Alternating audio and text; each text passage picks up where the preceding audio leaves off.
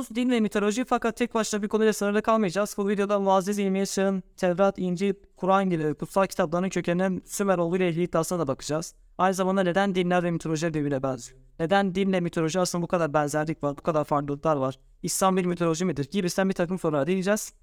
Hem de İslam'ın bu mitolojideki benzerliğe ve farklılıklara bakış açısı nelerdir? Buna bakmış olacağız arkadaşlar. Hemen konuya başlayalım. Şimdi ilk olarak da ateistlerin popüler eleştirisi mitolojilerle İslam arasında bir benzerlik gördükleri zaman hemen diyorlar ki işte Kur'an'ın yazarı Kitli Sümer tabletlerini araştırdı, Yunan mitolojisini araştırdı, bütün mitolojileri araştırdı, dini bunu esinlenerek oluşturdu gibisinden bir iddia olacağı atılıyor bazıları tarafından.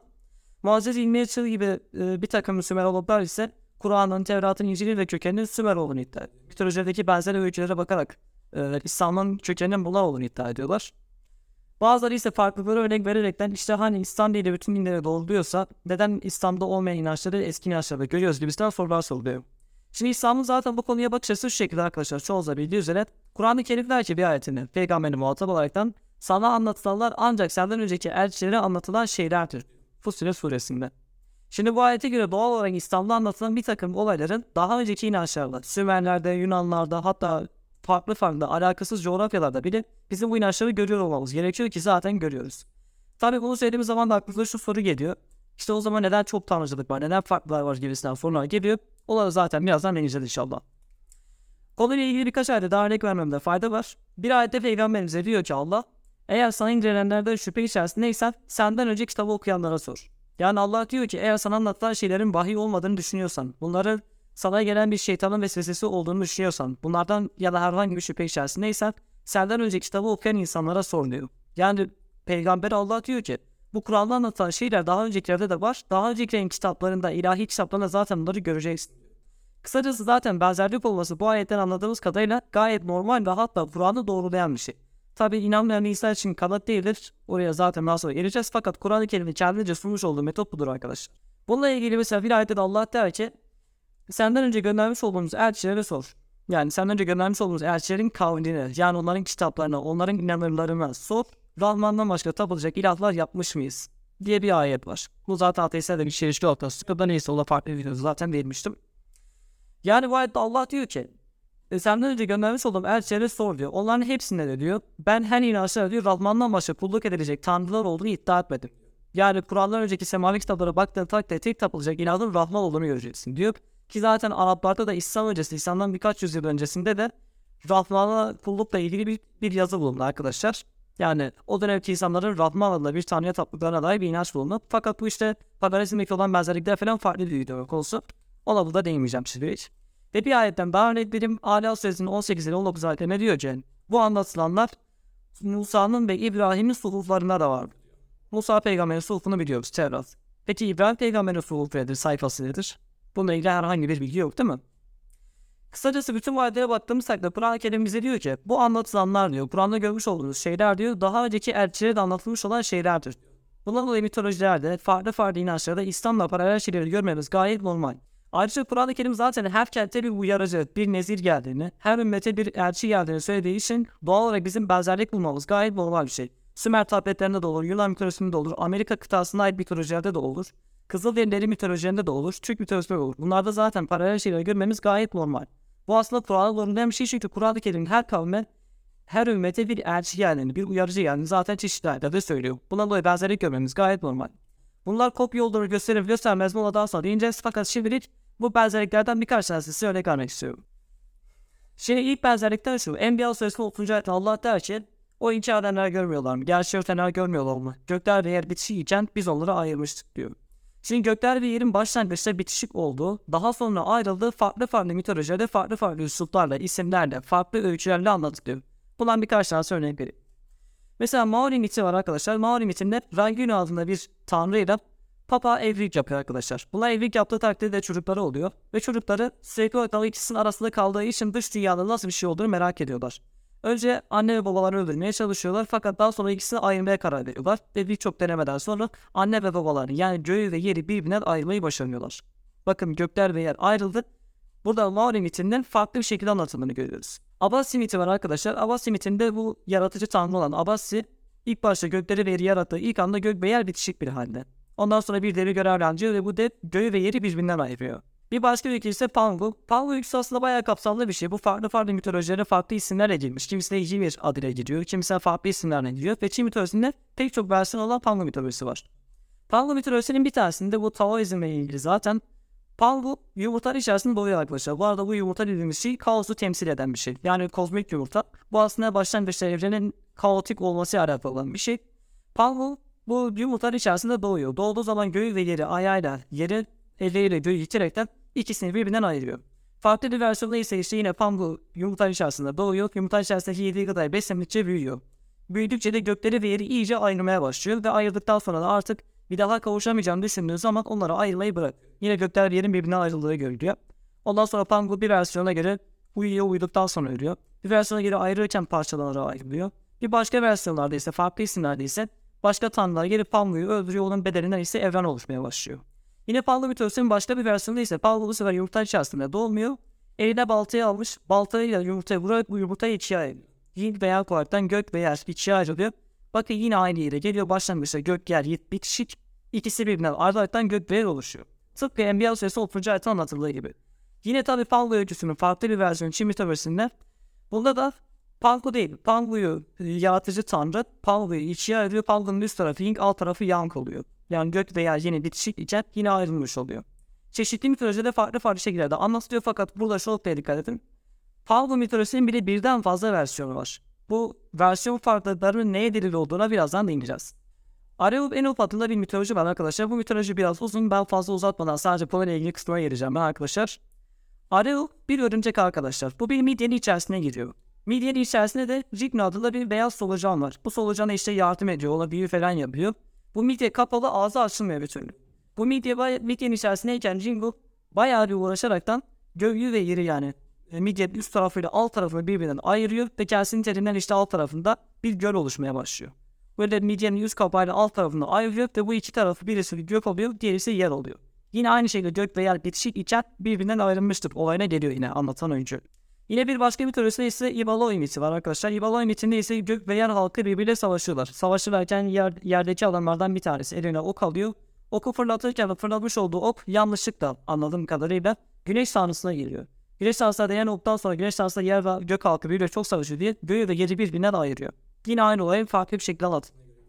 Sümer mitolojisinde de aynı inanç var arkadaşlar. Burada biraz farklı şekilde şu şekilde anlatılıyor. Diyor ki gök yerden uzaklaştıktan sonra, gök yerden ayrıldıktan sonra, insan adı konduktan sonra, an yani an dediği gök tanrısı, göğü ele geçirdikten sonra, Enlil yani hava tanrısı da ele, geçirdikten sonra. Yine bakın gök ve yer başlangıçta bitişikmiş bunlar ayrılmış. Gök tanrısı göğe ele geçiyor, hava tanrısı yere ele geçiyor. İstila. Şimdi burada şurada, bir, şurada inmemize fayda var arkadaşlar. Mitolojilerde anlatılan bu öyküde işte Tanrı geliyor, Tanrı bir şey yaratıyor, Tanrı bir şeyler oluyor, bir Tanrı bir Tanrıyla savaşıyor, bir şeyi ayırıyor vesaire. Bunların hepsi temsili anlatımlardır.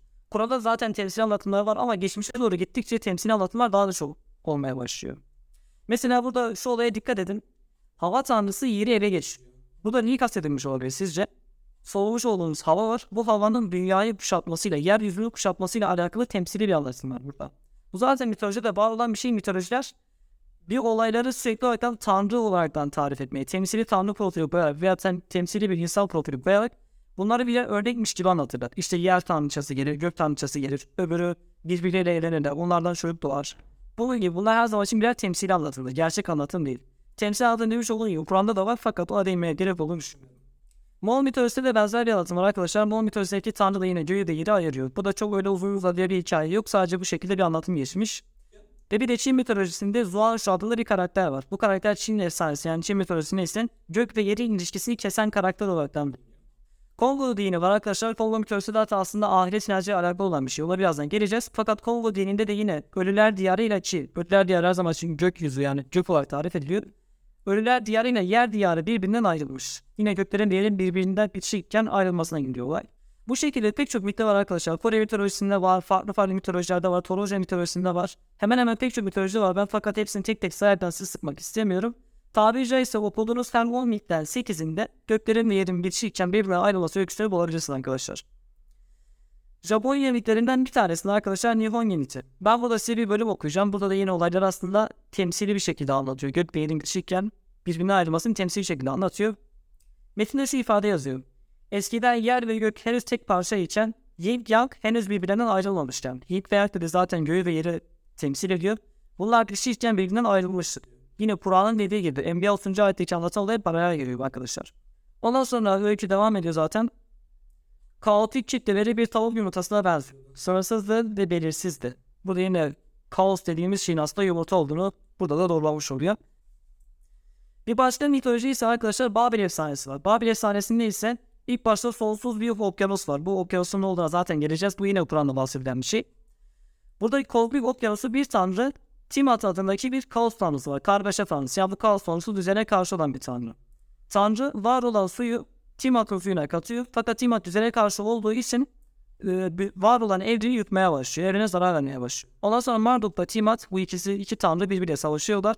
Marduk Tiamat'ı katlederek ikiye ayırıyor. İkiye ayrıldıktan sonra üst tarafını gök yapıyor, alt tarafını ise yer yapıyor. Yine gökler ve yer bitişik iken ayrıldı olayına geliyor mesela. Buna benzer demiş olduğum gibi pek çok mitoloji bu olayı anlatıyor. Madagaskar mitolojisinde yine var. Toroja dininde yine var. Mesela Kore mitolojilerinden bir tanesinde gök ve yer birbiriyle kaynaşmış iken başlangıçta birbirinden ayrıldığı yine anlatılıyor. Buna benzer pek çok olay var. Toroja dininde ise gök ve yerin evliliği anlatılıyor. Demiş olduğum gibi bununla ilgili pek çok örnek var. Konuyu uzatmamak için başka bir örneğe geçeceğim. Başlangıçta denizin varlığı arkadaşlar. Şimdi Kur'an-ı Kerim Hud suresi icat ediyor ki Allah'ın arşı, tabi burada mecazi temsili bir anlatım var. Allah'ın arşı suyun üzerindeyken gökleri ve yeri yarattı. Yani gök ve yer oluşmadan önce başlangıçta su varmış. Bu suyun üzerinde arş varken gök ve yer oluşmaya başlıyor. Yani başlangıçta kozmik bir okyanus var. Ve bu da zaten hemen hemen yine her mitolojide var olan bir şey. Türk mitolojisinde de var arkadaşlar. Şimdi size, size onunla ilgili bir küçük bir bölüm okuyacağım. Altay yaratılış destanı biliyorsunuz ki Altay'da milattan önce 2. yüzyıllar civarında yaşıyor. Tam net bir tarih verilmedi olsa da.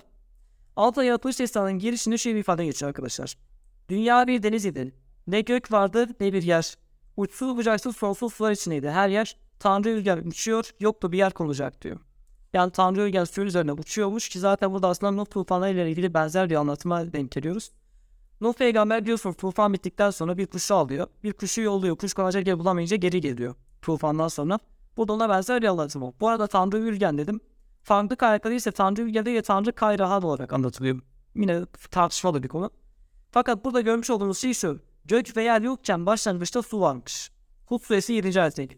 Yine Türk mitolojilerinden bir tanesi arkadaşlar Erdekan var. Erdekan'ı biliyorsunuz zaten. Yani İslam'daki iblis, şeytan Türk mitolojisinde Erdekan olaraktan gelmiş. Tanrı Kayrahan Erdekan'ı yarattıktan sonra onu kozmik okyanusun içerisinde bir parça toprak alması için gönderiyor. Erdekan işte denizin içerisine iniyor fakat toprağı yetirirken bir kısmını da kendi ağzına saklıyor.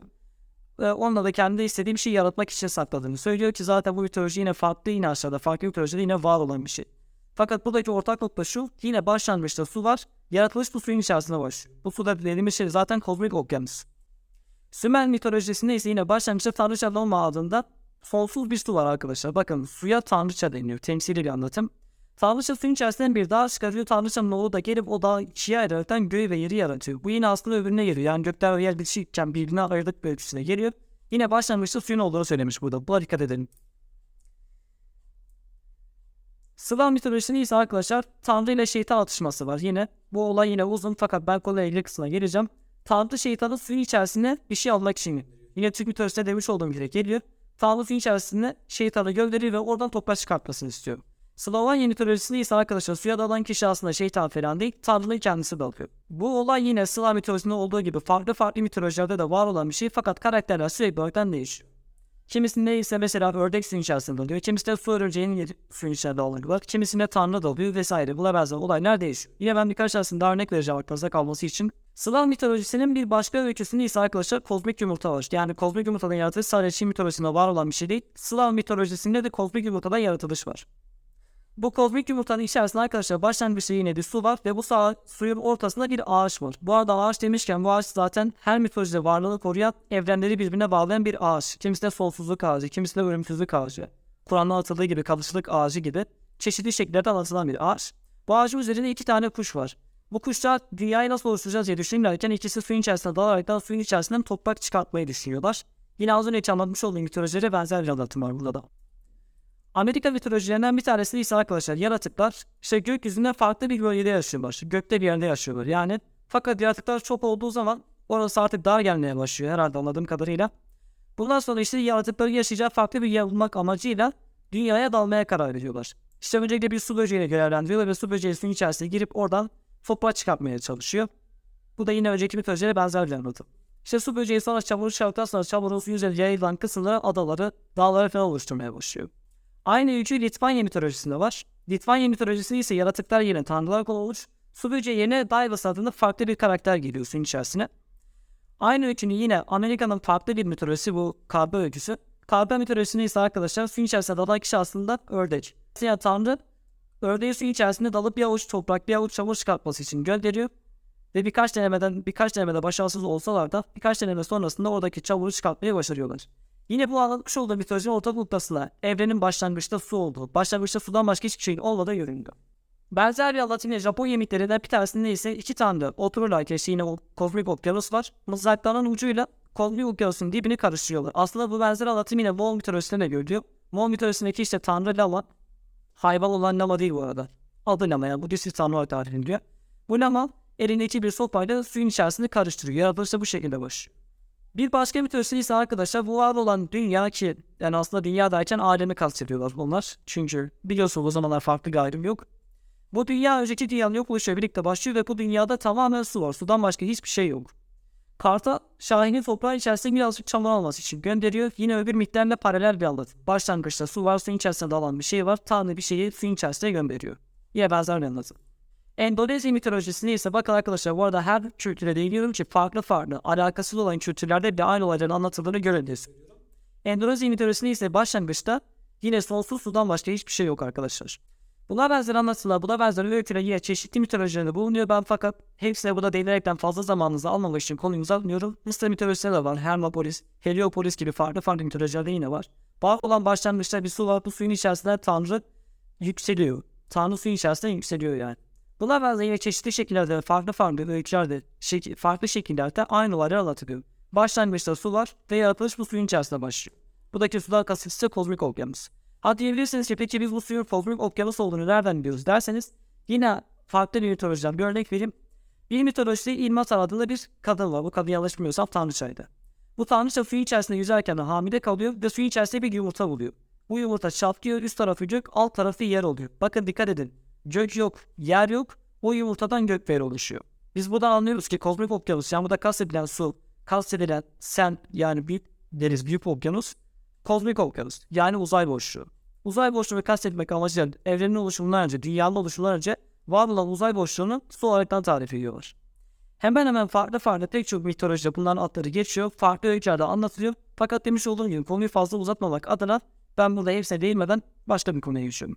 Bir diğer örnek ise arkadaşlar Ruh Tufanı. Ruh Tufanı yine farklı kişilerle farklı öykülerle anlatılıyor. Tabi burada aklınıza şu soru gelebilir. Neden farklı isimlerle farklı öykülerle anlatılıyor? Bu soru aklınıza gelebilir. O da zaten değineceğiz inşallah. Maya mitolojisi var arkadaşlar. Maya mitinin de bir e, PV adında bir kutsal kitabı var. Bu kitabı size adını vereceğim zaten. Bu kitapta anlatıldığı kadarıyla tanrılar önce insanları çeşitli şekillerde yaratıyorlar. Ve yaratma amaçları da şu. Bu yapmış olduğumuz insan yani yapmış olduğumuz bu yaratık bize baksın, bizi bilsin, bizi tanısın, bize dua etsin, bize kulluk etsin. Hani Kur'an-ı diyor ya ben cinleri ve insanları ancak bana kulluk etsinler diye yarattım diyor ya. Aynı oraya gelen bir şey Maya mitolojisinde. Maya mitolojisinde insanlar çeşitli şekillerde öncelikle farklı evrelerden yaratıyorlar. Kimisinde ağaçtan yaratılıyor, kimisinden başka bir şeyden yaratılıyor. Fakat ağaçtan yaratılan insanlar varoluş gayelerine uymadıkları için, tanrılar isteklerini yapmadıkları için bunlar bir sel felaketiyle helak oluyorlar arkadaşlar. Yine bir tufan olmuş, bir, bir sel olmuş ve bu sel sonucunda ölen insanların varlığı anlatılıyor. Yine bir tufan etkisine giriyor yani. Menelaz yemiklerinden bir tanesinde iki tane kadın ve erkek suyun içerisinde yüzerlerken bir kaya parçasına çıkıyorlar ve kaya parçasında dünyanın her tarafında su olduğunu görüyorlar. Yine sanki bir tufan olmuş, bir sel olmuş da bu sular nasıl çekilecek diye bakarcasına bir olay anlatılıyor. Ki zaten hani Kur'an diyor ya ey göç suyunu tut, ey yer suyunu yut diye bir ifade var ya Kur'an'da. Bu iki tane kadın da kayanın üzerine çıkaraktan dünyayı gözlemliyorlar. Suyun çekilip çekilmeyeceğine bakmak için öyle bir gözlem yapıyorlar. Burada yine paralellik görülüyor tufanla alakalı. Sümer mitolojisinde bir sebepten ötürü tanrılar insanları helak etmeye karar veriyor. Arkadaşlar ki aslında e, Kramer'in anlatmış olduğu Tarih Sümer'de başlar kitabında anladığımız kadarıyla tanrıların onu helak etme sebebi de insanların tanrıya itaatsiz, itaatsizliği oluyor. Çünkü oradaki bir diyalogda iyi bir insan var. Mutlu akıştım. Yani adı farklı farklı mitolojide yine değişiklik gösteriyor. Buradaki tanrı yani tanrı bilgiyi tanrısı Enkin o insana hitap ederken, o insana vahiy ederken kendisi diyor ki ey ibadetlerini aksatmayan, ilahi öğrene sadık olan kişi diye ona hitap ediyor. Buradan anladığımız kadarıyla Tanrı'da itaatsizlik sebebiyle insanları helak etmeye karar veriyorlar. Tufan olacağı sırada Bilge Tanrısı Tanrı Enki gidip Utlak İşlem'i uyarıyor. İşte böyle bir tufan olacak. Bir gemi yaptığı içerisinde talimat veriyor. Tufan bittikten sonra ise tufana harekete geçiren tanrılardan bir tanesi gelip Tanrı Enki'ye kızıyor. Ya sen bunlar niye bu tanrı diye. O da gelip Tanrı Enki- diğer tanrıyı susturmaya çalışıyor. Yani kötülük yapan insanlara azar veriyorsan et fakat bu kadar da aşırı olma diyerek diğer tanrıyı dizginliyor. Şimdi aklınıza şu şekilde bir soru gelebilir. Tamam bu benzerlikler olduğunu kabul ettik. Peki neden burada e, farklı olayları yapan farklı tanrı olarak anlatılıyor? Oysa ki İslam dininde biliyoruz ki tufanı yapan da Nuh'a vahyeden de bu tufanların kurtulmasını sağlayan da Allah için Sümer mitolojisi farklı karakterler olarak anlatılıyor. Bunun sebebi nedir derseniz buna daha sonra kapsamlı bir şekilde değineceğimizi belirtmekle beraber şunu da belirteyim. Buradaki tanrı adılar aslında birer temsilidir. Yani bu da şu şekilde düşünün. Allah'ın Rahman sıfatı var. Bir de gazap eder, ceza veren sıfatı var diyelim. Burada Tanrı'nın iki farklı sıfatı iki farklı Tanrı gibi anlatılıyor. Bu zaten diğer mitolojide var olan bir şey. Bazı mitolojiler bazı Tanrı karakterlerini baş Tanrı'nın kişiselleştirilmiş hali olaraktan tarif ediyor. Burada yani aslında her ne kadar iki farklı Tanrı anlatıyor olsa da burada aslında ikisini yapan da Allah. Ki zaten şu bir durum var. Kur'an-ı Kerim'de Allah'ın yaratmış olduğu bir şeyin yapmış olduğu bir eylem yine Allah'a izafe edilebiliyor. Mesela bu izafelerden bir tanesi örnek vermek gerekirse taşı sen atmadın Allah attı gibi. Veya Müslümanlara muhasabalar diyor ki onlar siz katletmediniz Allah katletti gibi. Allah'ın yaratmış olduğu şeylerin eylemleri de yine Allah'a izafe ediliyor. Bu yüzden buna zaten birazdan daha kapsamlı diyeceğiz. Kafanızı karıştırmadan diğer örnekleri diyeceğim. Navajo mitlerinden bir tanesinde ise arkadaşlar insanların bayağı bir macerası anlatıyor. Birinci dünya, ikinci dünya, üçüncü dünya gibi bayağı bir olay anlatılıyor. En son üçüncü dünyaya gelen insanlar bir takım olaylar yaşıyorlar. Kaptan hareketlerden ayrılıyor vesaire bayağı bir olay oluyor. Bir olaydan sonra insanlardan bazıları işte su tanrısının çocuğunu çalıyor. Çocuğunu çaldıktan sonra su tanrısı da her yeri böyle büyük bir tufanla büyük bir selle kaplamaya başlıyor. İnsanlar üçüncü dünyaya çıkıp dördüncü dünyaya geçmeye başlıyor. Dördüncü dünyaya geçtikleri takdirde de işte su tanrısına çocuklarına verdikleri zaman o tufan bitiyor. Dördüncü dünyada insanlar hayatlarını sürdürmeye devam ediyorlar. Bir başka benzerlik ise arkadaşlar ahiret inancı. Yani İslam dinini biliyorsunuz ki öldükten sonra bir hayat vaat eder. Öldükten sonra insanların eylemlerine göre gidecekleri bir cennet ve cehennem olduğundan bahseder. Bu zaten hem diğer dinlerde var olan bir şey hem de mitolojilerde var olan bir şey. Tabi bazı mitolojiler zamanla bu inancını kaybetmiş olsa da yine bedenleri yani onların cesetleri bulunuyor. George'un misalı arkadaşlar evren bir küre şeklinde anlatılıyor. Küre şeklinde anlatıyor ki zaten bu küre şeklinde ve üç dünya şeklinde anlatılır pek çok mitolojide var olan bir şey. Evren misal diyor arkadaşlar. İşte üst dünya var. Üst dünya işte tanrıların yaşadığı, e, iyi insanların gitmiş olduğu cennet bölümü. Orta dünya var. Bizim yaşamış olduğumuz bir de yeraltı dünyası var. Burası cehennem bölümü. Ki zaten kimi mitolojilerde işte tanrı ile atışan şeytan yer altına sürgün ediliyor. Mesela Erlikan'da da böyle. Mitolojisine bakabilirsin arkadaşlar.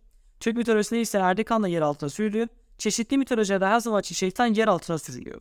Böyle bir mantık var işte. Dünyanın altı cehennem, üst tarafı cennet, orta dünya ise bizim yaşadığımız dünya. Bu pek çok mitolojide var olan bir şey. Hatta Şintoizm'de de buna benzer bir şey var. Üst dünyada arkadaşlar kamiler yaşıyor. Kamiler zaten ruhlar, tanrılarla beraber tanrıların yurdu diyebiliriz. Orta dünyada biz yaşıyoruz. Orta dünyada yine ihtiyacı böyle görünenler ve görünmeyenler işte Çinlerin ve insanların var olduğu. Yeraltı ise kötülerin ve şeytanların olduğu. Yine üçe ayrılmış yani dünya, ahiret, fikret yine hemen hemen her projede var olan bir şey. Mesela Türk mitolojisinde söylemiştim arkadaşlar. Kayrahan yani tanrı olan Kayrahan Erlikan'a şunları söylüyor. Artık sen kötülük ettin, kötülerden oldun. Sana uyanlar da senin gibi kötü olacak. Bana uyanlar ise iyi ve pak olacak. Yani burada zaten Adem ve Havva gibi benzer bir öykü anlatılıyor. Adem ve Havva öyküsü de zaten Türk mitolojisinde Törünge ile Ece öyküsü olarak geçiyor. Adem Törünge, Havva ise Ece olarak anlatılıyor. İkisi de işte cennete yerleşiyorlar. Cennetteyken işte e, Erdikan gelip Kayrahan size yalan söylemiş. Bu ağaçtan yerseniz bir şey olmaz diyor. Yılanın ağzına giriyor. Yılan kılında ondan yiyor. Sonra Ece gidip ağaçtan yiyince e, yemiş olduğu meyve tadını çok beğeniyor. Ondan sonra da Törünge'ye götürüyor. Ondan sonrası zaten tıpkı Adem ve Havva öyküsü gibi. Burada anlattığım kısım ise zaten Adem ve Havva'nın başına gelen bu olaylardan sonra yani Törünge ve Ece'nin yaşamış oldukları olaylardan sonraki kısım. Burada Tanrı bir yargı veriyor. Bu sözleri söyledikten sonra işte bana uyanlar iyi ve pak olacak, sana uyanlar e, cehenneme gidecek ifadeleri, benzeri ifadeleri kullandıktan sonra Erdekan'ı yer altına sürüyor. Söylemiş olduğum gibi. Kayrahan dünyada ayrılmaya karar veriyor. Dünyada ayrılırken de işte ruhlarına diyor ki yardımcı ruhlarına işte iyilik edenleri, yaşamada iyi davranan insanları yanına al, kötüleri yanına alma diyor. Yine ahiret inancına, iyilerin anlayacağı, yaşayacağı cennet inancına. Burada da yine Türk mitolojisine atıf var arkadaşlar. Germen mitinde arkadaşlar Germen miti yani Alman miti ama farklı bir isim. Germen dedim tabii ki. Germen mitinde arkadaşlar yine demiş olduğum gibi e, denilen bir bölge var. Bu bölge işte bataklık ve buzlu bir bölge. Burası zaten cehennem oluyor. Sonra tanrıların yaşamış olduğu bir üst kat var. Yine bizim yaşamış olduğumuz orta dünya var arkadaşlar. Cehennem içinde şöyle bir önemli, önemli olan bir durum var arkadaşlar. 640 kapısı olan bir saray var arkadaşlar. Hayattayken kahramanlık yapan insanlar, iyilik yaparken ölen insanlar, yani savaşta kahramanlık yaparken, bir insanı kurtarırken ölen insanlar buradaki saraya gidiyorlar ve bu sa- sarayda gökyüzünde olan bir yerde. Tanrıların yurdunda olan bir yerde. Burası 640 kapıya sahip. Bu sarayda işte iyi insanlar, kahramanlık yapan insanlar burada besleniyorlar, rızıklanıyorlar. Tıpkı İslam inancındaki şehitlerin mertebesi gibi arkadaşlar. Biliyorsunuz ki ayette diyor ki Allah katında öldürülenlere ölüler demeyiniz zira onlar diridirler fakat siz onları anlayamazsınız diye bir ayet var. Yine farklı mitolojide demiş olduğum gibi evren üçe ayrılıyor arkadaşlar. Üç dünya var bahsetmiş olduğum gibi. Hatta bu üç dünyanın varlığı Sami mitolojisinde de görülüyor. Fakat Sami mitolojisinde işte kimlerin nereye gideceğinden falan bahsedilmiyor. Yani onlarda kötüler alta girecek, iyiler yukarı gidecek gibi sen bir inanç yok. Çünkü zamanla zaten bu inanç kaybolmuş. Hatta zaten bu konuyla ilgili araştırma yaparsanız şurada göreceksiniz. Bu olaylardan bahseden kaynaklar bile bazı inançların zamanla değişmiş olduğunu kabul ediyorlar. Çünkü bunlar öyle yazılı kültüre dayalı olan bir şey değil. Mesela biz şu anda İslam'ın ne olduğunu anlamak istesek ne yapacağız? Doğrudan İslam'ın kaynağına yani Kur'an'a bakacağız. Ama onlarda böyle bir yazılı kutsal metin olmadığı için halk arasında bulunan bir inanç var. Bu inanç zamanla değişiyor. Hatta bir takım inançlar var ki bu inançlar Hristiyanlaşmadan ötürü değişmiş olarak kabul ediliyor mitolojilerde. Mesela Kobi mitolojisi var. Kobi mitolojisi demiş olduğun gibi böyle dünyaya evrenin üçe ayrılıyor. Ve insanların iyi erdemli bir hayat sürdüğü takdirde üst dünyaya gidebileceğinin bir köprüden geçebileceğinden bahsediyor. Çıkacakları bir dağdan bahsediyor ve buraya da ancak iyi erdemli işler yapan insanların, güzel bir hayat yaşayan insanların başarabileceğinden bahsediyor Kobi mitolojisi. Demiş olduğum gibi pek çok mitolojide buna benzer inançlar var. Biraz da dinlerden bahsedeyim. Mesela Zerdüştlük var. Zerdüştlük dininde de yine Tanrı inancı ve ahiret inancı var olan bir şey. İnsanlar eylemlerine göre ahirette yargılanıyorlar arkadaşlar. İki kişinin bulunmuş olduğu bir terazi var. Bu terazide iyilikleri ağır gelen insanlar geçecekleri bir köprüye geliyorlar ve bu köprüde insanlar tarafından karşılanıyorlar bu insanlar. Kötülük edenler ise bu köprünün başında çok çirkin bir büyücüyle karşılaşıyorlar ve bu köprü inceldikçe inceliyor çok fazla inceliyor. Yine görmüş olduğunuz gibi eyleme bağlı olarak insanların yargılanacağı, ahirette bir terazi olacağı kuralları geçiyor zaten. Bir terazi olacağı, insanların eylemlerine göre o köprüyü geçip geçemeyeceği inancı da Zerdüştlük'te var olan bir şey. Tabi Kur'an'da sarf köprüsü geçmiyor, o ayrı bir şey. Fakat burada yine benzer bir inanç var arkadaşlar. Ahiret inancı derken yargılama demiştim. Yargılama inancı yine Hinduizm'de var olan bir şey. Krishna adında bir karakter var. Yani Avatar ya Navus. Tanrı'nın avatarı var Hinduizm'de. Ben Gita bölümünden size bir bölüm okuyorum. Gita'da şöyle bir ayet var.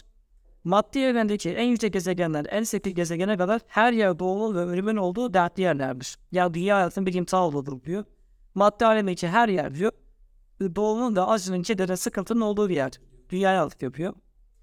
Fakat benim yurduma ulaşanlar tekrar bu dünyaya gelmezler. Ey kultürün oldu. Yani Tanrı diyor ki benim yurduma, ahiret yurduna ulaşan insanlar tekrar bu dünyaya gelmezler diyor. Sener dininde de yine benzer bir durum var. İnsanlar eylemlerine göre Tanrı'nın yurduna gidiyorlar. Dini doktrinlere, dini kurallara uyan insanlar cennete gidiyor. Bu kurallara uyan insanlar ise cezalandırılıyor. Fiji mitolojisi var arkadaşlar. Fiji mitolojisinde ise Tanrı insanları yaratıyor. Yine öyküsü uzun ben sadece yeni kısmına geliyorum. Tanrı insanları yarattıktan sonra kendi mağarasına çekiliyor ve ölen insanları cennetlik mi cehennemlik mi yani yaptıkları şeyleri yargılamak, yaptıkları şeylere göre karşılık vermek amacıyla mağarasında bekliyor. Bu inanç Sümer mitolojisinde de var olan bir şey fakat Sümer'de doğrudan böyle bir ahiret fikri yok arkadaşlar. Yani doğrudan yani öldükten sonra bir hayat fikri var. Mesela Tanrıça işler var. İşler yer altına doğru iniyor. Yedi kapıdan geçiyor. Cehennemin yedi kapısı yapan öyle olan bir şey. Yedi kapıdan geçiyor. Orada azabı vuruyor. Ondan sonra yer altına tekrardan çıkıyor. O hani böyle karmaşık şeyler işte. Fakat yeraltı inancı hatta bazı mitolojilerde atıldığına göre Sümer mitolojisinde yer altında insanlar Anunnakiler tarafından yargılanıyor. Hayattaki eylemlerine göre, hayattaki pozisyonlarına, statülerine göre Anunnakiler tarafından bir yargılanma olduğu da yine Sümer mitolojisinde anlatılan bir şey. Tabi doğrudan cennet cehennem açıkça bahsedilmiyor. Sonuçta yani kaç bin yıllık inanç yani. Buna benzer demiş olduğum gibi hemen hemen her mektebe böyle ahiret inancı, yargılama fikri var. Zamanla bazıları kaybetmiş olsa da bedenleri, iskeletleri bulunuyor arkadaşlar. İşte kimisinde ise mesela tanrıçalar var yani tanrı modelleri var. Tanrıların bazıları ahirete doğru ölen ruhları yönlendirmek, onlara rehberlik etmek amacıyla var. Bu da yine ahiret inancına bir atıf olduğu görülüyor arkadaşlar. Hepsini tek tek saymıyorum çünkü bayağı bir mitoloji var. Hemen hemen hepsinde de benzer şekillerde, farklı öykülerle, farklı olaylarla ahiret fikri anlatılıyor. Yine çamurda yaratılma öyküsü de diğer mitolojilerde bağımlanan bir şey. Mesela Çin mitolojilerinden bir tanesi de Nüva öyküsü var arkadaşlar. Nüva tanrılı yani Çin mitolojilerde insanların ilk atası oluyor. Çinlerinde farklı şekillerde anlatılıyor. Çin mitolojisi bayağı bir çetrefilli karmaşık bir mitoloji. Çin mitolojisinden bir tanesi Nüva işte yalnızlıktan canı sıkılıyor. Canı sıkılırken işte bir şeyler yapmaya karar veriyor. Ondan sonra işte kendisi çamuru alıyor. Tavuk gibi, horoz gibi böyle heykeller yapıyor. Bunlar kendisini birazcık eğlendirmiş olsa da tatmin olmuyor. Ondan sonra suya bakarken kendi yansımasını görüyor. Neden ben kendim birini yapmıyorum için diye düşünerek insanı çamurdan yapmaya karar veriyor. Tabi bu burada da yine Türk mitolojisine benzerlik var. Türk mitolojisinde Tanrı Ürgen veya Tanrı Kayrahan değişiyor. Suyun üzerinde uçarken sudan bir ses kendisi kendin gibi birini yaratsan. Tevrat'taki şeye atıf var arkadaşlar. İnsanı kendi suretimize yarattık. Hayezine atıf var. Nüva, Şii mitolojisindeki Nüva yine insanı kendi karakterini yaratıyor. Fakat Nüva'nın bel altı kendisini bir yılan gibi gösteriyor. İnsanı yılan gibi değil, iki ayaklı bilmiş olduğumuz insan şekli yaratıyor. Ve yaratırken çamurdan yaratıyor. Yine farklı mitolojiler var. Kimi mitolojide işte insanı kilden yaratıyor. Dünyanın dört bir tarafından kırmızı toprak bulunuyor, toprakla yaratılıyor. Kimisinde çamurdan, kimisinde bir şeyin tepesinden, kimisinin yerin bir parçasından yaratılıyor. Hemen hemen hepsinin ortak olaraktan çamurda yaratılış öyküsü var. Hukuksal benzerlikler de yine var arkadaşlar. Mesela Hammurabi kanunları biliyorsunuz, çok duymuşsunuzdur. Musa peygamber Allah'tan almış olduğu vahiy gibi güneş tanrısından Hammurabi'nin aldığı kanunlara benziyor. Ve bu kanunuyla hırsızlık yapan insana el kesme cezası veriliyor. Tabi elini kesmek mi gücünü kesmek bu ayrı bir konu fakat ben genel inanıyorum. Mesela Selanik, Selanik'in arkadaşlar insanlar bir cinayet olduğu takdirde isterse affedebiliyor isterse intikamını alabiliyor. İslam'daki kısas mantığına göre. Yani Allah demek ki zamanıyla her peygamber aynı şeyleri vahyetmiş ki böyle hukuksal benzerliklere de rast geliyoruz. Tabi hepsi böyle inanılıyor derseniz hayır bazen de insanların oluşumu toprakla alakalı falan değil. Mesela kimi mitolojilerde insanlar bitkiden geliyor. Yani bitkinin içerisindeki iki yerden bir tanesi erkek bir tanesi dişi kadın oluşuyor. Yani birinin erkek birinden kadın oluşuyor. Dışarıda biliyorsunuz çift hücreler var. Çift hücrelerin içerisinden kadın ve erkek oluşuyor. Kimisinde ise erkekler her zaman var. İşte sonra suda balık avlarlarken bir tane şeker kamışı giriyor. Şeker kamışı içerisinden bir tane kadın çıkıyor. Bu kadın işte insanlara yemek yapıyor ve ondan sonra erkeklerden bir tanesi bununla evleniyor. Bu da yine çetrefilli karmaşık anlatıyor. Farklı farklı ölçülerde anlatılıyor. Yani hepsi aynı şekilde çamurla yaratılışa inanmıyor. Neden bu farklılıklar var ona da geleceğiz inşallah.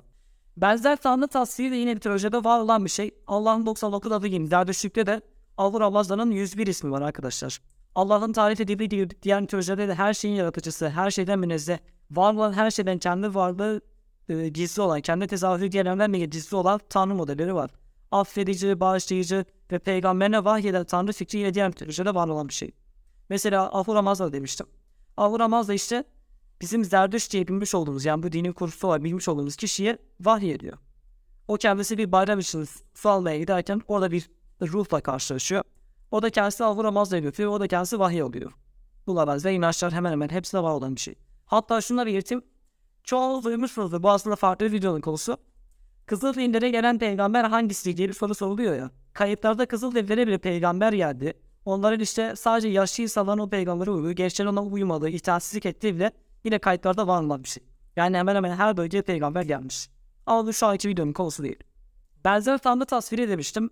Biliyorsunuz ki Kur'an-ı Kerim'de ayet eder ki Allah bir şeye karar verdiği zaman, bir şeyi tamamladığı zaman ona sadece ol der, o da hemen oluverir. Bu Kur'an ayeti. Bu diğer mitolojide var olan bir şey. Mesela Türk mitolojisinde Tanrı Ürgen bir şeyler yaratırken yaratılsın yer diyor, yer oluşuyor. Hatta farklı bir versiyonda kendisine bir ses diyor ki bir şeyi yaptığın zaman yaptım oldu de diyor. Yaptım olmadı demeyin. Yani kendisi o sözü yeni bir şeyler yaratıyor. Mayaların kutsal kitabında yine benzer bir anlatım var arkadaşlar. Mayaların kutsal kitabında Tanrı bir şeyler yaratırken işte şöyle olsun, böyle olsun diyor. Yani ol diyor, ol demesiyle bir şeyler oluşuyor. Sümer mitolojisinde aynı bir şey var. Yapılması gereken tek şey planı kurmak ve sözü söylemek ondan sonra oluşan şey gerçekleşiyor. Hatta Mayanese mitlerinden bu sefer Tanrı bir yuval olarak tarif ediliyor. Tanrı işte suyun içerisinde yüzerken sular yükselsin diyor. Yani vasif yani dağ, yer yükselsin diyor ve ondan sonra oluşum gerçekleşmeye başlıyor. Yine Tanrı'nın sözüyle gerçekleşiyor. Her şey o sözüyle yaratma yine mantığı yine var. Şunu da belirtmiştim arkadaşlar aslında daha önce. Biliyorsunuz ki Kur'an-ı Kerim'de Allah insanları kendisi kulluk etsin diye yaratmıştır. Yine aynı mantık Mayalı kutsal kitaptan anlatılıyor. Tanrılar insan yaratırken bize dua edecek, bizi destekleyecek, bizi tanıyacak, bizi bilecek olan bir şeyler yaratalım diyerek insanlar yaratıyorlar. Aynı zamanda Urhubo dini var arkadaşlar. Bu dinde de yine Tanrı'nın amacı yani bu dinin merkezinde Tanrı'yı tapınma, Tanrı'yı kutsal sayma, onu bilme inancı var. Yine benzerliği buradan bağlantıyı siz kurun yani. Bir başka benzerlik ise arkadaşlar ilk günah olayı. Biliyorsunuz Adem ve Havva'nın yasak meyve yemesi gibi. Aslında bu mitolojide sürekli değişkenlik gösteren bir şey. Kimisinde işte mesela kangun öyküsü var. Kangun yaratmış olduğu insanlar ve hayvanlar önce yer altında yaşıyorlar. Ondan sonra yeryüzüne çıkıyorlar. Ateş yakmama yasağı var ve ateş yakmama yasağında kadın çiğniyor. Yunan mitolojisinde mesela Tanrı kadını yaratıyor ve ona açmam, Pandora'ya açmaması gereken bir kutuyu veriyor. Pandora sonra bu kutuyu açtığı zaman içerisinden kötülükler, uğursuzluklar, kötü şeyler ortaya çıkıyor ve kendisi kutuyu kapatıyor. İşte şansınıza kutuyu kapatırken içerisinde umut gibi iyi şeyler de kalmış. Yunan mitolojisi söylüyorum ben söylemiyorum. Çin mitoloji hikayelerde yine Nüva arkadaşlar. Nüva ve kardeşi var. Bunların babaları çiftçi. Bunların babaları çiftçilik yaparken işte yıldırımı yakalıyor ve yıldırımı bir yere hapsediyor. Çocuklara diyor ki bu yıldırıma diyor asla su vermeyin. Onlar işte yıldırıma su verdikleri zaman yıldırımın kaçmasını sağlıyorlar. Bakın bir günah işliyorlar. Ondan sonra bir yer bir, bir sel felaketi kaplıyor. Babaları ölüyor. Çocuklar kurtuluyor. Burası işin farklı bir boyutu. Fakat yine ilk günah mantığı burada da var. Türk mitolojisinde yine ilk günah olayı var. Bahsetmiştim ona tekrar değinmeye gerek duymuyorum. Törünye ve Ecen yasak ağaçtan yasak meyveden yiyerekten Tanrı'ya karşı gelmiş oluyorlar. Yine ilk günah mantığı var. Bu ilk günah mantığı dediğim gibi çeşitli şekillerde farklı farklı ülkelerde anlatılıyor. Hepsine tek tek değinmemize gerek yok. Şimdi gelelim sizin sorabileceğiniz sorulara. Bu benzer arasından bunların kopya olduğunu göstermez mi? Yani aynı olayları farklı anlar, hatlarla anlatıyor. Farklı isimlerle, farklı ülkelerle anlatılıyor. Bu bunların kopya olduğunu göstermez mi diye sorabilirsiniz. Şimdi bu farklı aynı olayların farklı şekilde anlatılmasını birkaç mantıkla açıklayayım. Birincisi şu. Herkes kendi kültüründe bulunan isimlerle aynı olayları anlatabilir. Örneğin örneğini vermiştim. Adem ve Havva Türk mitolojisinde Törünge ile Ece olarak anlatılıyor. Hadi e, Türk mitolojisi İslam'dan daha eski. Tevrat'tan anlatıyor diyelim. Onlar Adem ve Havva öyküsünü Törünge ve Ece olarak anlatıyor. Yani tabiri caizse Tevrat diyor ki bunları bunlar yapan kişi Yahova'dır, Rab'dır diyor. Kur'an diyor ki bunları bunlar yapan kişi Allah'tır. Aslında ikisi farklı kişilerden bahsetmiyor. Arap kendi diliyle ola Allah diyor. Yahudi ola kendi diliyle Yahova diyor. E diğer mitolojiler de ilk duymuş oldukları mitolojileri kendi kültürlerinde bulunan atlarla anlatıyorlar. Hatta zaten bununla ilgili bir tablo da var. Romalılar mesela Yunanlardan farklı farklı kültürlerden Tanrı alırlarken isim değiştirerekten aynı karakteri anlatıyorlar. Yani aynı Tanrı'dan sadece isim farklı. Bu yüzden benzerlik olması gayet normal çünkü bunlar zaten birbiri yalanlayan inançlar değil. Yani Yunanlılar yanlıştır. Biz yeni bir inanç oluşun. Bizimki doğrudur demiyorlar. Yunanlıların savunduğu şey zaten devam ediyormuş. Buraya dikkat edin. Mesela buradaki isim benzerlerden bir tanesini örnek vereyim. Zerdüştlük'teki Ahur Amaz var arkadaşlar. Ermeni mitolojisindeki Aramast oluyor. Bakın isim değiştiriyor ama aynı kişi. Yunan'da Zeus, Roma'da Jüpiter oluyor. İsim değişik. İslam'da Adem ve Havva ikisini söylemiştim. Türk mitolojisindeki Törünye ile Ece oluyor. Dediğim gibi aynı olaylar sadece kendi kültürlerine, kendi inançlarına göre isim değişikliği yaparak anlatılıyor. Bu kopya olduğunu değil çünkü biri diğerini yalanlamıyor, biri diğerini tasdik edercesine ilerliyor. İnançlar. En başta Kur'an içinde biz görüyoruz. Peki bu benzerliğin farklı bir ihtimali var mıdır derseniz tarih tekerrür eden mantığıyla benzerlik olabilir. Tarih tekerrür eden mantığından bir tanesi örnek vereyim size. Mesela Buda'yı biliyorsunuz arkadaşlar. Budizm ile Sihizm arasında çok olağanüstü şekilde benzerlikler var arkadaşlar. Bu benzerlikler nedir biliyor musunuz? Sihizmin kurucusu olarak hayatın amacını çözmek amacıyla kendi bulunmuş olduğu lüks evden, lüks yaşamdan ayrılıyor. Aynı zamanda bu da yine kendisi bir saray gibi böyle çok zengin bir hayat yaşıyor. Hayatını canı alt etmek amacıyla kendisi saraydan ayrılıyor. Bakın ikisi paralel olaylar. Nalak'ın kardeşi yani Sihizmin kurucusu Nalak'ın kardeşi kendisine bir ışık gördüğünü söylüyor. Ve aynı şekilde bu da içine bir tane bilge bu adam çok büyük bir bilgi olacak. Çok iyi bir insan olacak şeklinde bir ışık gördüğünü belirtiyor. Şimdi ben şunu seviyorum aslında. Efendim aslında Silizm'in kurucusu e, Buda'dan esinlenmiştir. İnsanlar Silizm'i kurarken Buda'nın öyküsünden esinlenmişlerdir ve demem lazım. Bu çok saçma olur çünkü birisi milattan önce olmuş bir olay. Birisi milattan sonra 15. yüzyıllarda olmuş bir şey. Bu yüzden benzerlikler tarih tekerrür eder mantığında da olabilir. Bu yüzden aynı olayların farklı isimlerle farklı şekilde anlatılması da aynı olayı birden fazla kez gerçekleşmiş olmasıyla da alakalı olabilir. Ya tabiri caizse Orta Doğu'daki Nuh peygamberin başına gelen olay aynı zamanda bütün dünyayı, bütün dünyada gerçekleşen bir tufan sebebiyle atıyorum Afrika bölgesindeki insana farklı bir şekilde gel- gelmiş olabilir. Veya Afrika kıtasında bulunan bir peygamberin gözlemlediği şekilde o inancı, o kültüre gelmiş de olabilir. Şimdi olabilir diyorum fakat bunlar ihtimal dahilinde olan bir şeyler. Kendimden emin bir şeyle cahilce kesince bu budur demek, demeyi doğru bulmuyorum. Muazzez İbni Yusuf bu Sümer tabletleri konusunda benzer olmayan olayları da benzermiş gibi kitabında sunmaya çalışıyor. Mesela Habil ve Kayin, İslam'da Kabil. Habil ve Kabil ilişkisini sanki güneş ve yaz ve kış mevsimlerinin atışmasıyla benzer bir şekilde sunuyor. Halbuki ikisi farklı şeyler. Ama bu ikisini benzer diye sunmaya çalıştığı için bazı insanlar aniden gerçekten burada bir benzerlik varmış diyebiliyor. Fakat zorlama benzerlik de doğru bir şey değil arkadaşlar. Bu arada Muazzez İlmi bu zorlama benzetmelerine karşı bir örnek de ben vereyim arkadaşlar. Bir şeyi zorlayarak benzer gibi göstermek isterseniz pek çok şey benzer gibi gözükebilir. En basitinden size bahsetmiş olduğum mitolojilerden bir tanesinde. Gök ve yer evleniyordu, çocukları oluyordu ve çocuklar o ikisini ayırmaya çalışıyorlardı. Çocuklar önce onları öldürmeye karar veriyorlar anne babalarını. Ama olmayacağı için ondan sonra göğü ve yeri ayırmaya yani uzaklaştırmaya karar veriyorlar. Şimdi Muazzez İlmiye çağın mantığıyla ben şunu söyleyebilirim. Buradaki olay Yusuf peygamberle kardeşi arasında diyor ki çok benziyor. Neden? Kardeşleri Yusuf peygamberi öldürmek istediler. Olası uzaklaşmaya karar verdiler. Bu bahsetmiş olduğum mitolojide de çocuklar önce anne babalarını öldürmeye karar veriyorlar. Ondan sonra uzaklaştırmaya karar veriyorlar. Buyurun. Benzetmek isterseniz, bağdaştırmak isterseniz pek çok olay birbirine benziyor. Bu mitolojideki aykırılıklar kısmına da geleceğim. Tamam her zaman için benzerliklerden bahsettim. Fakat bunların aykırı kısımları var mı? İslam inancından motomu, tabak tabazlık kısımları var mı derseniz evet var. Bunlar da aslında çok tanrıcılık kısmı. Şimdi çok tanrıcılık kısmını tek bir şekilde anlatmayacağım çünkü her birinin farklı bir şekilde, farklı bir mantıkla çok tanrıcılık mantığı var. Mesela birincisi şu. Zaman içerisinde insanlar tanrı olmayan kişileri tanrı konumuna çıkartamıyor. Ya şunu sorabilirsin bazı insanlar bunu söylüyor. Tamam da yani bir tanrı olmayan kişileri tanrı yaparken, dinlerin inançlarını bozarken, bütün inançlar oturup seyretti, oturup seyretmedi. Hiç müdahale etmedi yani diye bir soru sorulabiliyor. Çok basit bir örnek vereyim size. İnsanlar değer vermiş oldukları kişileri çok kolay bir şekilde, çok rahat bir şekilde tanrı koluna çıkartabiliyor ve millet de buna çok rahat bir şekilde sessiz kalabiliyor. En basitinden Budizm. Budizm bir din ne biliyor musunuz arkadaşlar? Tamam bazıları din olarak değerlendiriyor olabilir. Fakat Budizm aslında bir felsefi görüştür arkadaşlar. Budizm'de Tanrı inancı bile yoktur. Hatta Buda'nın Tanrı'ya inanıp inanmadığı diye tartışmalıdır. Çoğu kişi Buda'yı ateist bile zannediyor. Ya aslında ateist demeyin ne metafizik inançları var ama Tanrı'ya inanmıyor mesela. Bazı sözlerinde ise Brahmanizmin Tanrı anlayışına karşı çıktığı için bazı insanlar işte bu da Tanrı'ya inanıyordu da işte Brahmanizmin kastetmiş olduğu Tanrı mantığına karşı çıkıyordu diye itiraz edebiliyor. Fakat burada şu bir dikkat arkadaşlar. Buda'nın Tanrı'ya inanıp inanmadığı bile şüpheliyken zaman içerisinde Buda bile Tanrı koluna çıkarılmış. Daha farklı bir örnek değil. Gereği var mı arkadaşlar sizce? Tanrı olmayan bir kişi, Tanrı'ya inancı bir şüpheli olan bir kişi bile zaman içerisinde Tanrı koluna çıkartılabiliyorsa milattan önceki binlerce yıllık inançları bunlar içerisinde Tanrı olmayan kişiler, kavramlar, kutsallık atfedilen animistler mesela. Doğadaki ağaca, dağa, taşa, güneşe Tanrı affetmeleri, Tanrı sanmaları gayet olağan bir şey yani. Buradan beni anlayabilirsiniz yani. Bir başka olasılık ise şu arkadaşlar. Tam olasılık diyorum da bunlar mitten mite farklı gösteren şeyler. Bazı mitlerde tanrılar aslında var olan tek tanrının kişiselleştirilmiş versiyonu gibi. Yani şu şekilde düşünün. İslam'da Allah Rahmandır, Rahim'dir, Gafur'dur, Bağışlayandır. 99 ismi var. Şimdi birisi tutuyor diyor ki Rahman sıfatını ayrı bir tanrı yapıyor. Rahman işte geldi insanlara rızık verdi, rahmet etti, affetti, güzel davrandı. Gazap eden sıfatı da geldi kötü insanlara ceza verdi. Bakın insanlar bu ikisini sanki ayrı birer sıfatmış gibi, ayrı birer tanrıymış gibi anlatabiliyor. Ki zaten bazı mitolojide de bu şekilde söylenir. Bazı tanrılar yani çok tanrıcı sistemlerinde baş tanrının kişiselleştirilmiş versiyon olarak anlatılıyor. Çok tanrıcılık bundan da alakalı olabiliyor. Hatta burada şuna değinmenin faydası var. Sümer'de mesela Nuh tufanı yapan farklı tanrı.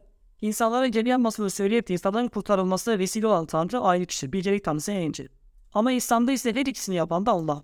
Bunu nasıl bağlaştıracağız diye sorabilirsiniz. Bunu iki şekilde açıklayayım. Birincisi demiş olduğum gibi Tanrı'nın kişiselleştirilmiş sıfatları olabilir. Yani Tanrı'nın rahmet sıfatı gelip insanlara yeni yapmasını söylüyor. Gaza veren sıfatı ise gelip tufanı yapıyor. Bu ikisi farklı şekillerde anlatılıyor. Başka bir olasılık ise şu. İslam'da her ne kadar Allah'ın yapmış olduğu şeyler her yaparsa da bu yapılan eylemler her zaman için Allah'a atfedilir. İşte taşı sen atmadın Allah attı gibi. Taşı atan peygamber de mesela. Ama Allah sen atmadın ben attım diyor. Savaşta Müslümanlar düşmanlara galip geliyor. Allah diyor ki onları siz katletmediniz Allah katletti. Yine Allah izafe ediyor. Veya kuşları havada Rahman'dan başkası tutmuyor diyor. Halbuki fizik kanunları sayısal ulaşıyorlar. Ama Allah diyor ki onlar benim sayemde oluyor. Allah kendi yapmış olduğu şeyler sonucu gerçekleşen şeyleri de kendisine atfediyor. Burada işte tufanı yapan da tufanından farklı kişiler olsa da Allah o iki kişiye de emir verdiği için kendisine atfetmiş olabilir. Yine olabilir diyorum. Değinmeyeceğim buraya. Bir diğer olasılık ise şu arkadaşlar. Tanrı ismi e, eskiden daha genel bir kapsam için kullanılıyor. Mesela çok basit bir örnek vereyim. Tevrat'ın tek tanrıcı olduğunu, monoteizm, monoteistik bir din olduğunu yani Tevrat'ın monoteistik bir inancı savunduğunu hepimiz biliyoruz değil mi? Ama Tevrat'ta yargıçlar olarak çevrilen birçok yer Tanrı diye ifa- ifade ediliyor. Yani yargıçlar diye tercüme edilen birçok yerde Tanrılar geçiyor aslında. Tevrat Musa peygamber diyor ki sen Firavun'a göre Tanrı olacaksın. Ben seni Firavun'a karşı Tanrı yapacağım. Bakın Musa'ya Tanrı diyor. Tevrat orada Musa peygamber Tanrı diyor. İnsana Tanrı diyor yani. Çünkü Tanrı lafı eskiden çok daha kapsamlı şekilde kullanılıyor. Bu yüzden insanlar işte güneş tanrıçası, ay tanrısı, yer tanrısı, gök tanrısı derken aslında bunları birer temsil olarak anlattığı için her ne kadar bunlar gerçekte baş tanrı olmasa da bunları tanrı diye tabir etmiş olabilir. Yine ihtimal dahilinde. Fakat bu çok tanrıcılık sistemlerine bakarsanız bile her zaman için başta bir panteonun başında bir en üst tanrı vardır. İşte Allah'ın kastettiği o diğer derece ikinci derece tanrı olarak da melekler olur bunlarla. Bir de bu çok tanrıçlık sistemlerde arkadaşlar genellikle ikinci derece olan tan meleklere de tanrılar deniliyor. Yani şöyle bir baş tanrı var bu baş tanrı bir şeyleri yaratıyor. Yarattığı şeyleri de tanrı deniyor. Bazen de işte kimisi evrenden sonra oluşuyor onlar da tanrı deniyor. Ya tanrı lafzı genel olarak kullanılıyor. Bunlara ikinci derece tanrı olarak da e, inat alıyor. İkinci derece tanrılar ise İslam inançlı melekler olarak da demiş ki bunu da zaten mitolojide bir takım örnekleri var. Bakın. Yoruba dininde mesela Orisho'lar var arkadaşlar. Orisho'lar tanrı olarak kabul edilir. Fakat Orisho'lar tanrı olarak kabul etmekle beraber doğadaki bazı eylemlere, doğadaki bazı üstün güçlere sahip kişi olarak daha tarif edilebilir. Yani doğayı yönetenler de Orisho'lar olarak tarif ediliyor. Ve Orisho'lara hem tanrı olarak inanılıyor hem de bunlar doğayı yönetiyor. İslam'da biliyorsunuz ki meleklerin aslında doğa olayları yönettiğine dair bir inanç varmış. Bakın ikinci derece tanrılar melek olmuş. Bunlar zaten tanrı değil. Ki zaten işin felsefi kısmına bakacak olursanız bizim tanrı dediğimiz şey nedir? İlk sebeptir, enveldir, ahirdir, evreni yaratandır yani başlangıçtır. Kendisinden öncesi yoktur. Fakat mitolojiler evrenden sonra oluşan şeyleri de tanrı dediği için bunlara zaten bizim felsefi olarak tanrı deme şansımız yok. Yine aynı mitolojiler baştaki olan kişileri yani baştaki tanrıyı tek tanrı olarak da yine kabul ediyorlar. Palçoğlu'nun başı veya tanrıların tanrısı, tanrıların şefi olarak tarif ediyorlar. Yani aslında ikinci derece tanrılar İslam yazımına olarak girmiş. Bunlar zaman içinde eski, eski zamanlarda tanrı lafzının genel olarak kullanılması sebebiyle tanrı olarak kabul edilmiş ve bu şekilde politeizm, çok tanrıcılık oluşmuş olabilir. Bir başka örnek ise mesela Seler diye de ruh var arkadaşlar. Ruh baş tanrı için o dünyaya işlere karışmıyor. Fakat küçük tanrılar ise dünya, dünyadaki isteklere cevap veriyor. Bakın yine İslam için baştaki tanrı olan Allah var. Onun emriyle hareket eden küçük tanrılar yani melekler var. Tanrı aslında genel olarak kullandıkları için ikinci derece tanrılar yani melekler onlara tanrı olarak kabul, edin, kabul edilmeye başlamış. Bir başka örnek arkadaşlar Çin mitolojisinde tanrılar yine her biri farklı farklı şeyler yapıyor. İşte A tanrısı B tanrısına yardım alarak da işte kuzey bölgesini, öbürü güney bölgesini, öbürü evreni yönetiyor. Yine İslam'daki meleklerin doğayı yönetme, meleklerin evreni yönetme görevi tanrılara affedilmiş ve tanrı kavramı genel olarak kullanılarak ikinci derece tanrılara da tanrı edilmiş. Çok tanrıcılık zaten temelinde bundan kaynaklanıyor olabilir. Burada birkaç faz, birden fazla olasılık verdim çünkü her birinin için mantık değişiyor. Bir başka durum ise şu arkadaşlar, tanrılar genellikle bir şeylerin temsili olarak kullanılıyor ki zaten Yunan mitolojisiyle ilgili okuyacağız. Herhangi bir kitap dahi bunu söyler. Ee, gök tanrısı geldi, yer tanrısı evlendi, onun çocuğu oldu, onun çocuğu gitti babasını öldürdü gibisinden böyle olaylar anlatılır. Buradaki tanrılar zaten genel olarak bir şeyi temsil etmek amacıyla kullanılıyor. Hatta bazı mitolojilerde işte suya tanrı deniyor. Yani o kozmik okyanusa tanrıça mı deniyor mesela kimisinde. Görmüş olduğum ya tanrı inançları da aslında temsili bir anlatım. Buna dolayı aslında baş tanrı dışındaki diğer şeyler de temsil olarak tanrı olarak tarif edildiği için bizim inancımız yani bugün bizim elimizde bu dinler zamanla çok tanrıcılığa dönüşmüş olarak geçmiş görüyor. Bir başka aykırılık ise şu arkadaşlar. Bu da aslında aykırılıklar genel bir aykırılık. Mesela kimisine tanrı dişi olaraktan tarif ediliyor. Kimisinde ise mesela insanı yaratma fikri şeytandan geliyor. Hatta kimlere yaratanın şeytan olduğunu. Buna benzer İslam'a taban tabanası şeyler var derseniz var. Bunların açıklaması ise şu. Birincisi arkadaşlar bu olaylar anlatılırken dilden dile, nesilden nesile aktarıldığı için zamanla bunların değişime uğrama ihtimalleri çok yüksek. Çünkü inançlar milattan önce, kayıtlar milattan sonra gerçekleşiyor. Zamanla dilden dile aktarılırken de bunlar değişime çok rahat bir şekilde uğrayabiliyor. Sami mitolojisinde mesela görmüştük. Sağ pardon. Sami dininde bunu görmüştük. Diğerlerinde mesela var olan üç dünyanın bir anlamı varken üst taraf cennet, alt taraf cehennem iken Sami dininde yine üç dünya var. Fakat bunların amaçları nedir? Bahsedilmiyor çünkü işte o içerik kalmamış. Buradaki değişime çok basit bir örnek vereyim. Aynı olayların birden fazla şekilde anlatılması, birden fazla versiyonların olması, yani aynı metin, aynı inancın içerisinde birden fazla versiyon olması, diller geçerken bunların değişiminin çok açık bir ispatıdır. Çin mitolojisi Çin bir versiyonunda çip tanrılı bir yaratılış sistemi varmış. Kimisinde ise tanrısız bir yaratılış varmış. Kimisinde ise mesela Kolbek yumurta demiştik. Palgo'dan bahsetmiştim. Palgo'nun öyküleri farklı şekilde anlatılıyor. Kimisinde Palgo yumurta içerisinde kendisi doğu içi ediyor. Kimisinde ise anlatılan şey aslında Pavlo yumurtanın içerisinde değil. Eline baltayı almış baltayı savuraraktan göğü ve yeri birbirine. Yumurtayı ikiye bölüyor. Kimisinde ise e, Tanrı gelip yani başka bir yaratık gelip gelip Pavlo'yu ikiye bölüyor. Pavlo'yu ikiye bölerekten göğü ve yeri yaratmış oluyor. Bunların hangisi gerçek? Ve kimi versiyonlarda Pavlo ölüp de değişiyor. Kimisi diyor şu uyuduktan sonra öldü. Kimisi işte gökleri bir ararken parçalara ayrıldı. Bedeni dünyayı oluşturdu. Kimisinde ise bu farklı mitolojide tabii ki at değişikliği gösterirken Cemil oluyor. Cemil aslında bir farklı bir karakter olarak anlatılıyor. Bunlardan pek çok şey var işte. Bu şekilde değişiklikler zaten bu olayların dilden geçerken tahrifi olabilir. Değişmiş olduğunu açık ispatlıdır. Bu aykırılıklar da temelde bunlar kaynaklı olabilir. Ki zaten şey bunlar arkadaşlar mesela bahsetmiş olduğum Tango devi farklı mitolojilerde Ymir adıyla geçer. Ve Ymir aslında dev yani bazı mitolojide devler aslında yetkisi olarak tarif ediliyor. Mesela Ymir zehirden yaratılıyor. Zehirden yaratılmasında şöyle incelik var. İslam inancında da şeytanın semunla yaratıldığından bahseder. Semun ne biliyor musun arkadaşlar İbrahim'e karşılığı? Semun zehir demektir. Şeytanın zehirden yaratıldığını söylüyor. Ve bu bahsetmiş olduğum mitolojide ise Ymir de yine zehirden yaratılıyor. Bu aykırılıklarda da böyle bahsetmiş olduğum gibi TNR'de dilden dile geçerken değişim uğramasına kaynaklı olamıyor. Başka örnekler de var tabi sadece buna sınırlı kalmayacağım. Menenez yemiklerinden bir tanesi arkadaşlar kadın ve erkeğin yaratılışı tartışmalı. Bir tanesi diyor ki e, erkek topraktan yaratıldı. Kadın şeker kamışından geldi ve onun karısı oldu. Kimisi ise kadın da erkek de ikisi de topraktan yaratıldı. Mesela hangisi doğru? Bilemiyoruz çünkü neden dilden dile aktarılışın iki farklı versiyonla yazılmış. Bir başka örnekte zaten değinmiştim. Türk mitolojisinde mesela Tanrı Ürger için, baş Tanrı Tanrı Ürger için kimisine Kayra Hava tarif.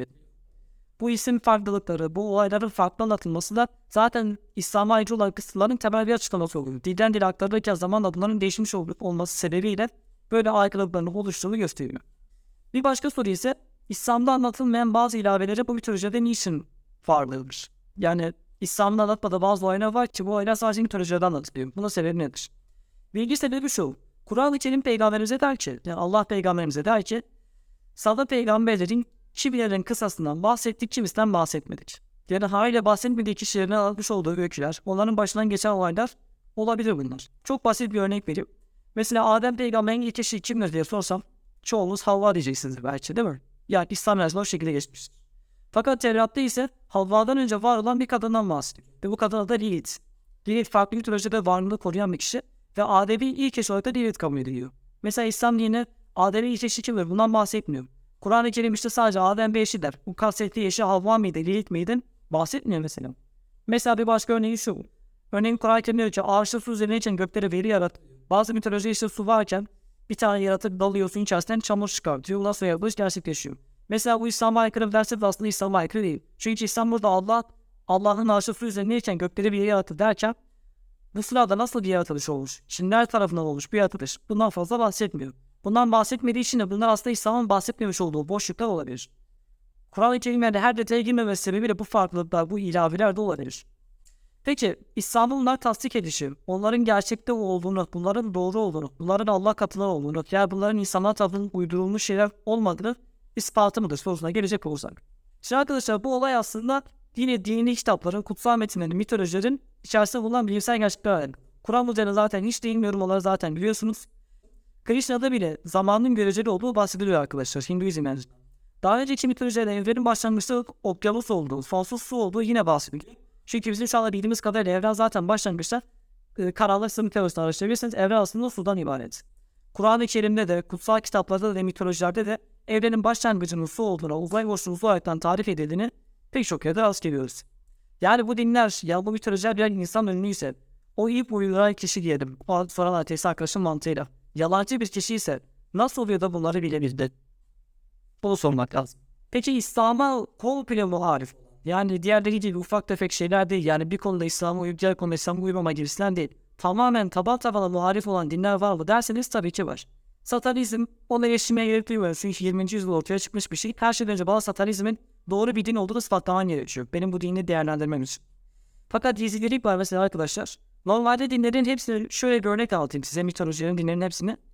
İslam, Yahudi, Hristiyanlar ve diğer mitolojiler, diğer dinler hangisine bakarsanız bakın hepsi şu istikamete gider. Yezidi ise tam bu istikamete gidiyor arkadaşlar. Yezidilik Tanrı'yı yaratıcı olarak tanımlıyor. Fakat melek tavus var. Bizim bahsetmiş olduğumuz iblis yani şeytan onlardan melek tavus olarak geçiyor. Melek tavus insanın yaratıcısıymış. Kur'an-ı Kerim buna taban tabana muharefet ederek diyor ki iki elimle yarattığım diyor. Allah'ın iki elimle ben şahsen yaratmış olduğum ifadesini kullandığı Kur'an'da görüyoruz.